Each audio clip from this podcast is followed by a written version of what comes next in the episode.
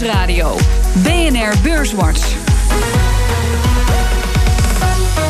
Rob Jansen. Welkom bij Beurswatch, het enige beleggingsprogramma op de Nederlandse radio met Jim Tehoepoering van Pro Beleggen en Richard de Jong van Van Lieshout Partners. Welkom. Ja, vrijwel alle bedrijven op het Damrak zijn nu met hun cijfers uh, gekomen. Hoe is jullie algemeen oordeel over de winsten van de Nederlandse bedrijven, Richard? Nou, die waren eh, over het algemeen hartstikke degelijk. Maar wat je wel zag, er ook maar een kleine tegenvaller is, uh, dan wordt het best hard afgestraft. Eens, Jim? Ja, de markt is uh, wat gevoelig voor tegenslag. En je zag toch ook wel dat veel uh, ondernemingen voor 2018 iets voorzichtiger worden. En daar houden beleggers niet van. Het was de week waarin Larry Kudlow werd benoemd als opvolger van Gary Cohn, de economisch adviseur van president Trump. Kudlow was commentator bij CNBC en collega-commentator Jimmy Cramer is razend enthousiast over de benoeming. he wants the job. A lot of this is because he has softened his stance on China. You know that he is against tariffs. I think the president believes that the market would uh, would really like this because it shows the flexibility that he's looking for. En aannemer Volker Wessels kwam met cijfers deze week. Topman Jan de Ruiter kijkt voortaan kritischer naar klussen boven de 150 miljoen euro. En wat we eigenlijk zeggen is, we blijven gewoon actief op die markt. Maar we worden selectief om de ratio tussen wat we winnen en wat we niet winnen eh, in verhouding te krijgen. Zodat we de kosten op de projecten die we niet winnen ook goed maken op de projecten die we wel winnen. Dat is feitelijk de boodschap. En het was de week waarin Unilever na bijna 100 jaar één bedrijf werd. Het hoofdkantoor komt in Rotterdam. En voor de NOS-microfoon zei topman Paul Polman dat het echt, echt niks te maken heeft met de afschaffing van de dividendbelasting. Zoals ik al zei, duidelijk op uh, belastingniveau is het uh, gelijk tussen beide landen. Uh, Engeland, zoals je weet, heeft ook geen dividendbelasting. Zo op dat niveau is het geen verschil. Ja, om met uh, dat laatste maar te beginnen, Unilever gaat niet naar Londen, maar naar Rotterdam. Daar wordt het hoofdkantoor geconcentreerd. Dat, dat op zichzelf maakt misschien nog niet zoveel uit voor beleggers, maar de structuur wordt ook veranderd. Er zijn nu nog twee moederbedrijven, een Britse PLC en een Nederlandse NV. Uh, dat wordt nu één Nederlandse NV.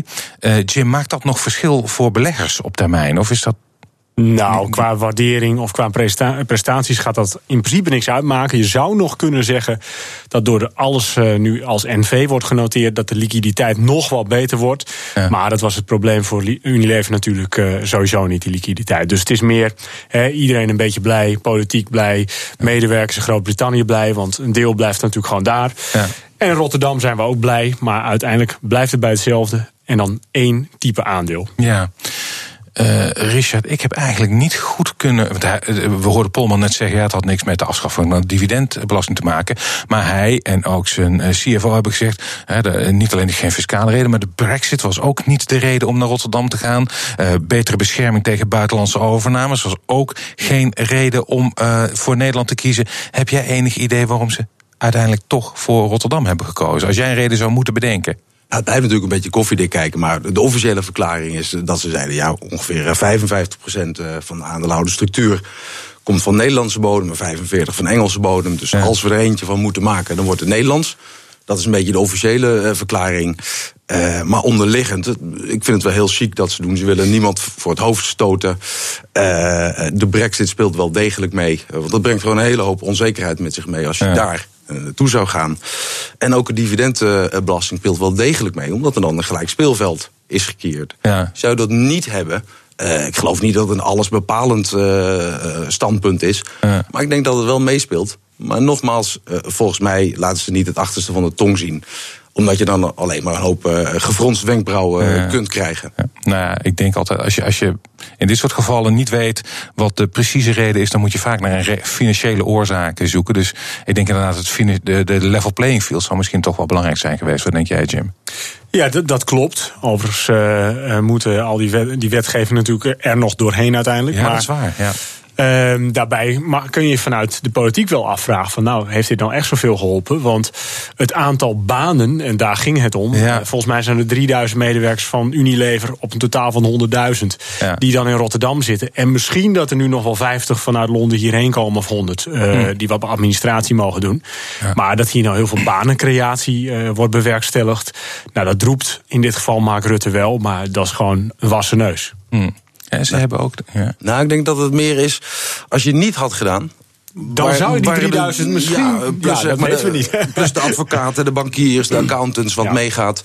Dus ik denk dat het niet zozeer... Je moet het niet zien van... Uh, goh, het heeft 1,4 miljard gekost en er zijn 50 banen bijgekomen. Ja. Ik denk dat je het meer moet zien... Uh, dat er geen banen zijn verdwenen.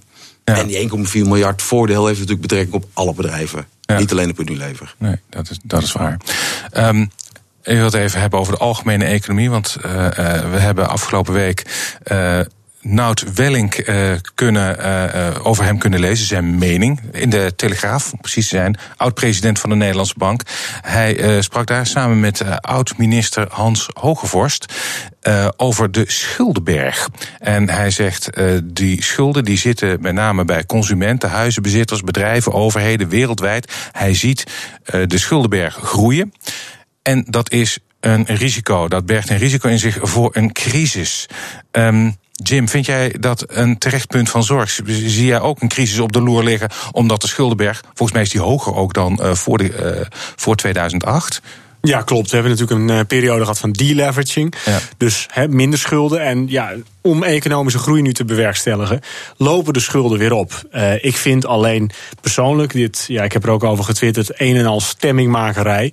Ja. Uh, nou, dus ook, uh, het staat in de Telegraaf. En in ja. dit geval vind ik het nogal typerend dat het juist Hans Hogevorst en Nout Welling zijn, die ten tijde van de crisis, ja, respectievelijk voorzitter AFM en directeur uh, of president van de Nederlandse Bank waren. Ja. En onder hun toeziend oog. Ja. Is het zo geweest dat banken heel veel leverage op de balans konden nemen en uiteindelijk gered moesten worden? Dus ja, ik vind eigenlijk dat ze op dit moment zelfs geen recht van spreken hebben. Hij zou zijn mond moeten houden. Ja, het is uh, een beetje dom om op deze manier de aandacht weer op je te vestigen. Uh, kijk, de man is 75. Het is een uh, slimme kerel. Ja. Alleen, ja. Geniet van je pensioen. Kijk naar de banken nu en de ja. banken toen. En qua leverage is het echt veel minder. Niet voor niks zijn al die kapitaalseisen natuurlijk in het leven geroepen. Ja. Banken nu en banken tien jaar terug is een wereld van verschil. Ja, toch zegt hij, de, de, de buffers zijn te laag voor banken. Nou, ik, ik denk dat je wat breder moet trekken. de algehele schuldenpositie, niet alleen uh, uh, van de overheid, maar van particulieren en dergelijke uh, consumenten, bedrijven, die is schrikbarend hoog. Dus heeft die, hebben ze een punt. Alleen dat wil niet zeggen dat er meteen een crisis komt. In Japan is die schuld hm. al jaren en jaren veel en veel te hoog. Crisis is geen sprake van. Hm. Het wordt pas een crisis als die schuld niet meer betaalbaar is. Ja. en dat zie ik voorlopig nog niet gebeuren. Zeker niet met deze rente. Mm. En we moeten ook niet vergeten, als je bijvoorbeeld kijkt naar Europa, een land met het meeste, of bijna de hoogste schulden van alle landen in Europa. Als je en consumenten en bedrijven en overheid meeneemt, dan denkt bijna iedereen aan Italië of Frankrijk. Of, maar dat is Nederland. Ja. Alleen er staan een hoop bezittingen pensioenen, tegenover. Huizen, pensioenen, ja. huizen. Dus is niet zo erg. Ja. Dus vandaar mijn punt. Uh, uh, schulden uh, kunnen een probleem zijn. Ja. maar zolang het betaalbaar blijft. Nou, Richard noemt wel een heel interessant punt. En uh, dat zou dan weer wel pleiten voor wat de mannen zeggen. De rente is nu laag. Ja. En mocht die rente uh, ja, naar 4, 5 procent oplopen, ja, dan, dan hebben we een hele andere situatie. Ja. Ja. Ja. ja. Ja, en je zegt van ja, uh, wij zijn grote leners uh, in Nederland, als je het allemaal bij elkaar optelt. Ja. Maar als je kijkt naar het percentage uh, slechte leningen, dan is het hier wel een stuk lager dan Italië waar je het. En dat is toch ja. nog wel uh, serieus een probleem. Ja. Want als je nou kijkt naar over het tempo. Maar in Italië doen ze alsof er geen slechte leningen zijn. En dat werkt ja, ook heel fijn. Ja, dat is, dat is wel zo, maar ze zijn er wel. En uh, ook als je zeg maar Europa breed kijkt, het grafiek, de, de mate waarin dat daalt. Uh, en dan heb ik het puur over de slechte leningen. Dat is traag. Dat is, dat, dat is nog astronomisch hoog op het moment dat wij weer aan het eind van de cyclus ja, zijn, Jim. Zorgbaar. Dat lijkt mij nogal zorgwekkend? Of ben ik te zwart? Nou, daar heb je helemaal gelijk in. En ik denk, zolang Mario Draghi aan het roer zit van de ECB, uh, is het voor Italië geruststellend. Want ja, die zal er zeker voor, uh, voor, zorgen dat de rente lang laag blijft. Omdat anders ja. inderdaad een land als Italië, maar ook uh, Portugal, die zullen dan eigenlijk acuut weer in de problemen komen als die rente wel zou oplopen. Ja, we gaan het zien. Uh, problemen waren er deze week uh, uh, ook een beetje op de beurs. We hebben twee slecht, wat mindere handelsdagen gehad. Onder andere omdat Trump weer even druk op de ketel zette. In, in, het, in het kader van de wellicht komende handelsoorlog. In een tweet zei hij dat hij Europese auto's extra wil belasten. Um, is dat een loos argument, Richard? Of denk je dat we wel die kant op gaan? Nou, het is in ieder geval iets wat zeer zorgwekkend is. Kijk, ik moet heel eerlijk bekennen, uh, hoewel hij het wat mij betreft verkeerd verpakt, hij heeft wel degelijk een punt. Hmm. Uh, met name ten opzichte van China. Chinese bedrijven mogen vaak in Amerika bijna alles, uh, populair gezegd. En andersom zijn er heel veel restricties op alle terreinen. Dus hij heeft wel degelijk een punt. Waar hij trouwens niet gelijk in heeft. Dan, dan zegt hij ja, er is een handelsoverschot wat China heeft met ons van zoveel 100 miljard. En daarom ga ik importheffingen doen. Ja, dan denk je, ja, dan moet je maar betere producten maken als Amerika. Hm. Maar desalniettemin dat hij een gelijk speelveld, daar hebben we de term weer, ja. wil creëren, heeft hij wel een punt. Maar ik vind het wel bijzonder gevaarlijk. Uh, niet zozeer die staalheffingen, uh, uh, maar als daar reacties op komt van Europa of China. En dat leidt weer tot reacties van Amerika, et cetera. Ja, ja dan moeten we, dat moeten we even met z'n allen niet, niet aan beginnen. Ja, ja, het is simpel. Uh, ze zijn, Jim, even goed met elkaar gaan praten. Bepaalde tarieven slechten. En dan ben je er. Ja, maar we hebben het hier wel over een hele grote olifant in een uh, porseleinen kast. Ja.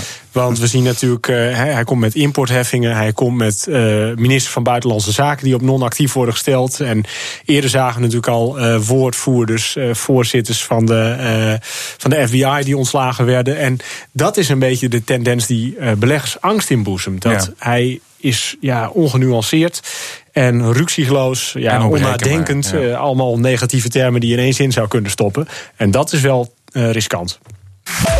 Zometeen praten we verder over de beurs en economie. Onder andere over de cijfers van aannemer Volker Wessels en Alti. BNR Nieuwsradio. BNR Beurswatch. We gaan het onder andere hebben over de cijfers van uh, Altis. Dat doe ik met Jim Tegopoering van ProBeleggen en Richard de Jong van Van Lieshout en Partners. Maar eerst maken we de balans op van de afgelopen week. De AEX die sloot op 536,9 punten. En dat is vrij, vrijwel uh, gelijk aan vorige week. Stijgers. En de drie grootste stijgers in de AEX afgelopen week. Altis kreeg er in een week tijd 5,4% bij. Staat op de eerste plek. Op plek 2 Philips met een plus van 3,1% En in één week tijd kreeg ASML er 3% bij. En het midcap aandeel dat het best presteerde was Bezi met een plus van 2%. Dalers. dalers. De drie grootste dalers Boskalis verloor net als vorige week, stond ook op de eerste plek toen. Boskalis verloor 3,5 procent. Uh, Unilever op de tweede plek 3,4 procent. En Shell leverde 1,6 procent in. In de midcap was de grootste daler deze week Fugro met een min van 5,2 procent. En de AEX is drie van de vijf handelsdagen hoger gesloten. Ja, het op dat uh, de olie het uh, niet goed doet. Um, Altis in ieder geval, die is um, de grootste stijger in de AEX. Kwam gisteravond met uh, cijfers. Omzet in Frankrijk, de belangrijkste markt, die daalde licht. In de VS groeit het bedrijf wel. En ze torsen natuurlijk een enorme schuld met zich mee. Was in het begin van dit jaar veel uh, om te doen. Um, ja, toch de grootste stijger van deze week. Jim, deze cijfers rechtvaardigen wel een stijging? Ja, het is ook wel een keer leuk dat Altis bij de stijger staat. Uh, kijk, de, de, omzetdaling in, uh, in Frankrijk die was minder groot dan verwacht. Uh, viel eigenlijk wel heel erg mee zelfs. 1,6% op jaarbasis, wel 4,5% in het laatste kwartaal. Um, en ja, ze geven aan, we zijn on track met het afstoten van onderdelen. Dus ze maken daar echt wel werk van. Uh, en eigenlijk is het natuurlijk een moeilijke met Altis. Dat ook als je de cijfers bekijkt, ja, je moet echt je best doen om iets te vinden over een netto resultaat. Dat ja. is er eigenlijk niet. Er is vooral heel veel schuld. Er is operationele winst. Uh, maar ja, de totale uh, schuldenlast, ehm, die is ik, op jaar basis, ik, nou, ik weet het niet eens exact, maar ik meen een kleine 4 miljard op dit moment. Ja. Uh, dus de, de rentekosten over de, over de schuld. Wat de echte waarde eigenlijk van Altis is op dit moment, dat is Altis USA. Want ze gaan afsplitsen. En ja, beleggers met aandelen Altis die krijgen straks 0,41 aandeel Altis USA. En dat is op dit moment een kleine 7 euro. Dus ja, Altis Europe is niet meer dan anderhalf euro waard. Ja, dus je koopt eigenlijk ook uh, goedkoop Amerika. Uh, nog wel, maar ja, die gaan er straks uit. Dus ja. Altis Europe, ja, ik noem het wel als een soort call-optie. Ja. Als ze overleven uh, en in staat zijn om de rentelasten te voldoen. en ja, operationeel gewoon winstgevend te blijven. en die onderdelen kunnen afstoten. dan is het wel een aandeel dat ook echt hard zou kunnen stijgen. Denk jij, uh, Richard, dat ze dat gaat lukken? Nou, ik, ik, ik vond de cijfers eigenlijk wel, uh, uh, wel verrassend goed. Ja. De vorige keer dat ik hier mocht zijn, uh, was ik wat minder over Altis. En, ehm, maar als ik kijk naar de vrije kaststroom, toch een van de belangrijkste graadmeters. Dat is gewoon de kassa waar de rente van betaald moet worden, waar Jim het ook over had. ze verwachten voor dit jaar vrije kaststroom van 2,5 miljard. Uh, ze hebben aangegeven de, uh, de telefoonmasten uh, voor waarschijnlijk 3 miljard te verkopen in, in Frankrijk en in Portugal. Ja, dat zijn toch wel serieuze bedragen. En dan gaat het hmm. hard. maar desalniettemin blijft de grote schuld over.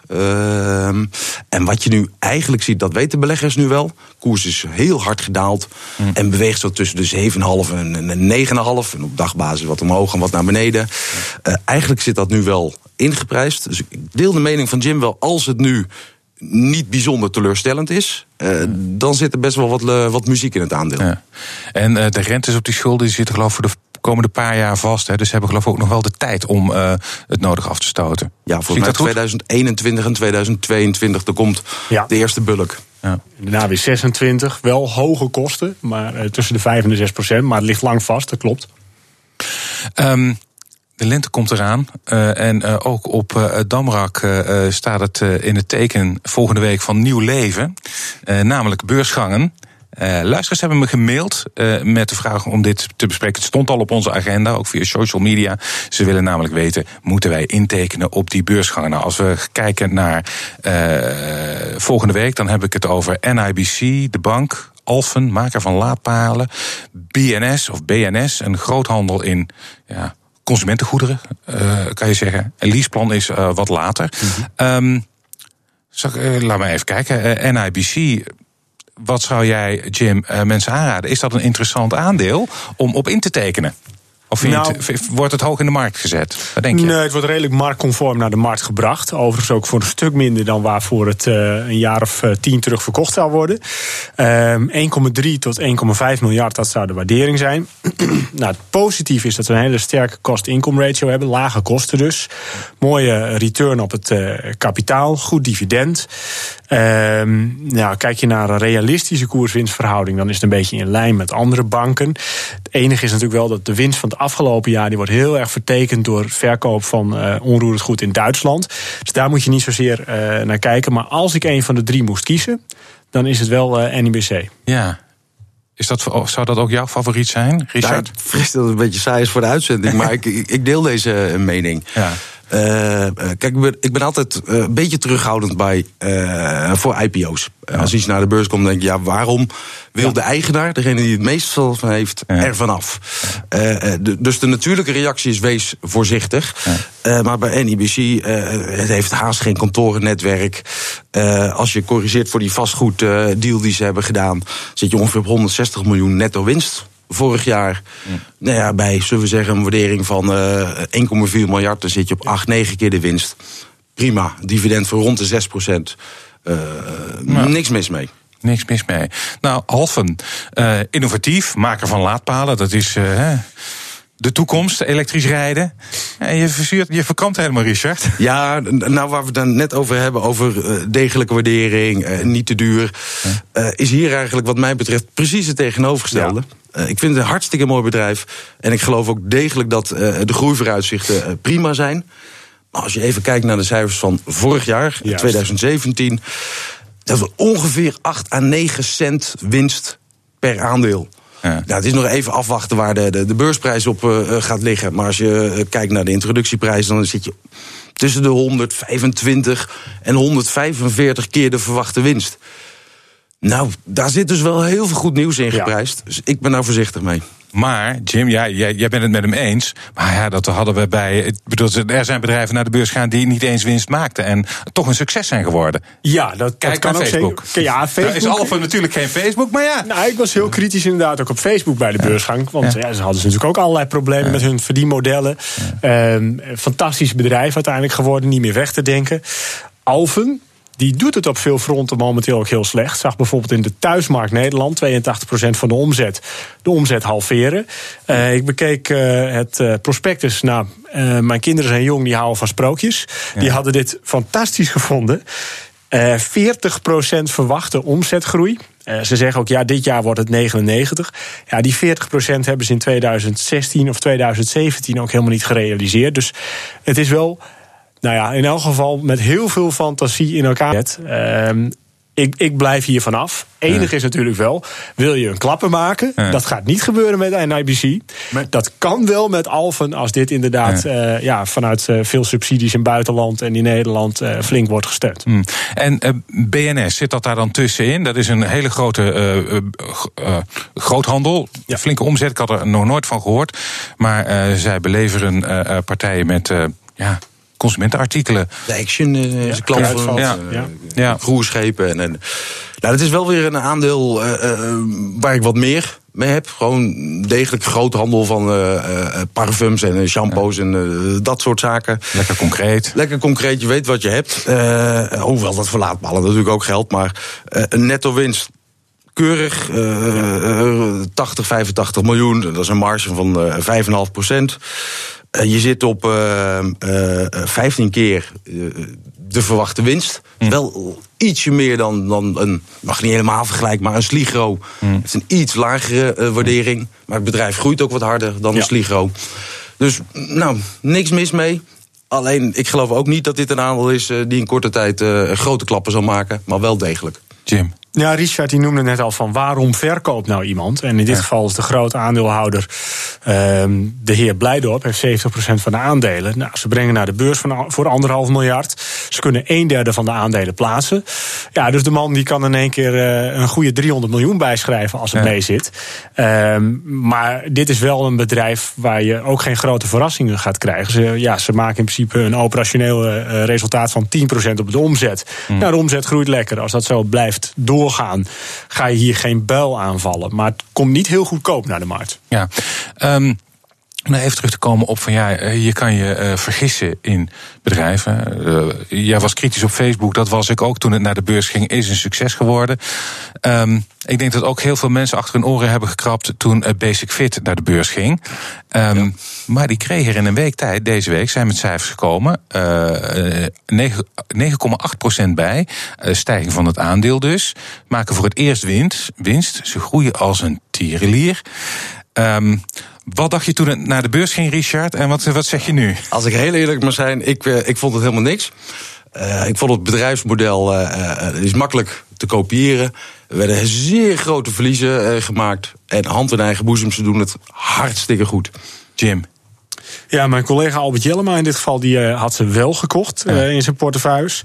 Uh, ik niet. Ik heb toen het management ook gezien. En wel een hele bevlogen ondernemer, die René Moos. En hij doet gewoon wat hij beloofd heeft. Ja, 100 nieuwe clubs erbij in 2017. ja, die, die, die, wat ze dan noemen mature clubs, daar maken ze 30% op het geïnvesteerde kapitaal. Dus dit gaat gewoon heel netjes. En met name die Franse markt, die toch wel heel moeilijk is.